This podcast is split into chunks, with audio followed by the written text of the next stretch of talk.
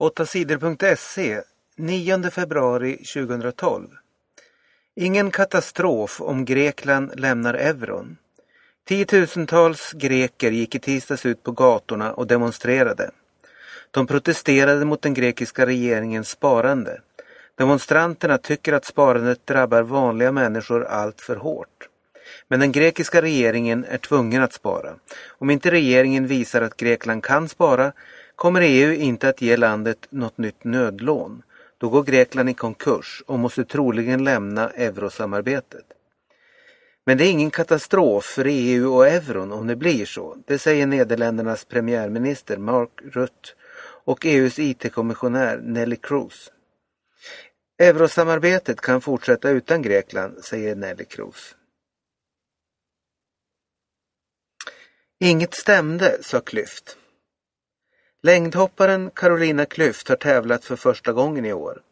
Men den svenska stjärnan var inte alls nöjd med sina hopp i tävlingen i Mustasari i Finland. Ett hopp på 6.03 meter var Carolinas bästa hopp den här kvällen. Det var ingenting som stämde, sa Carolina till Aftonbladet. För Michel Tornéus gick det bättre. Han hoppade 7,84. 25-åring dömd för fildelning. En 25-årig man från Värmdö har dömts för fildelningsbrott. Mannen har laddat ner 60 filmer från internet till sin dator. När mannen laddat hem filmerna har han samtidigt spridit dem till andra. Så fungerar det med den så kallade torrenttekniken. Nacka tingsrätt bestämde att mannen ska betala 6 000 kronor i böter. Maldivernas president tvingades sluta. I veckan tvingades Maldivernas president Mohammed Nasheed att sluta. Nasheed tvingades att avgå när män med vapen tog sig in på hans kontor och hotade honom. Nasheed var den första demokratiskt valda presidenten i landet Maldiverna. Mohammed Wahid blir ny president. Nasheed och många maldiver anklagar Wahid för att ha känt till planerna att tvinga presidenten att sluta genom hot. Många arga maldiver har demonstrerat på gatorna för att visa sin ilska. I flera städer har det blivit våldsamma bråk. Demonstranter har attackerat polishus och tänt eld på myndighetshus. Poliser och militärer har svarat med att skjuta tårgas och att slå tillbaka med batonger. Borgmästaren i staden Addo säger att det inte finns lag och ordning där längre. Nasheed har flytt med sin familj till Sri Lanka. Rekordmånga avrättningar i Irak. Navi Pillay är chef för FNs kontor för människorätt. Hon är chockad över hur många människor som har avrättats i landet Irak den senaste tiden. Hittills i år har 65 människor dömts till döden och avrättats i Irak. Det är en mycket stor ökning. Under hela förra året avrättades 68 personer. I år har nästan lika många avrättats på sex veckor. SAS förlorar mycket pengar. Det går dåligt för flygbolaget SAS. Resultatet för de tre sista månaderna förra året var uselt. SAS gick back med mer än 2 000 miljoner kronor. SAS sparar nu pengar. Att minska kostnaderna snabbt är viktigt om företaget ska kunna överleva. SAS har redan tidigare bestämt att 300 jobb ska bort.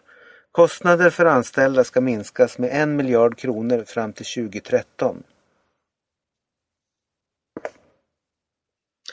Terrordömda svenskar kan släppas.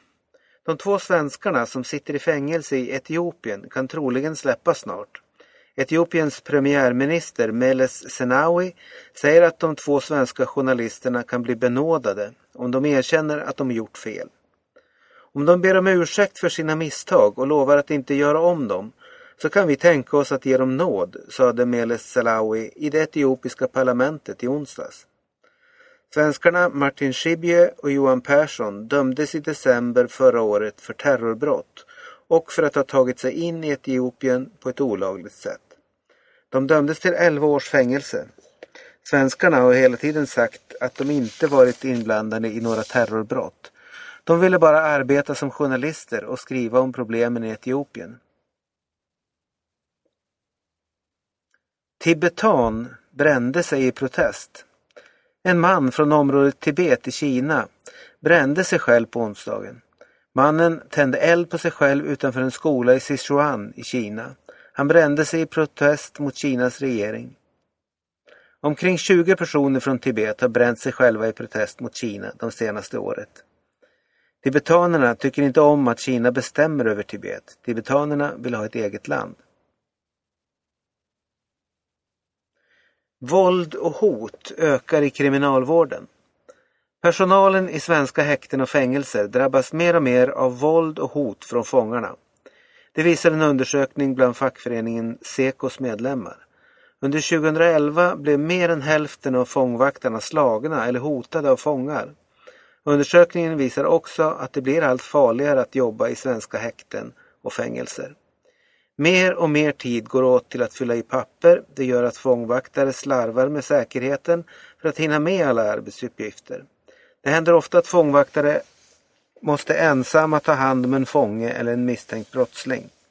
I höstas blev en fångvaktare ihjälslagen av en fånge på ett häkte i Stockholm.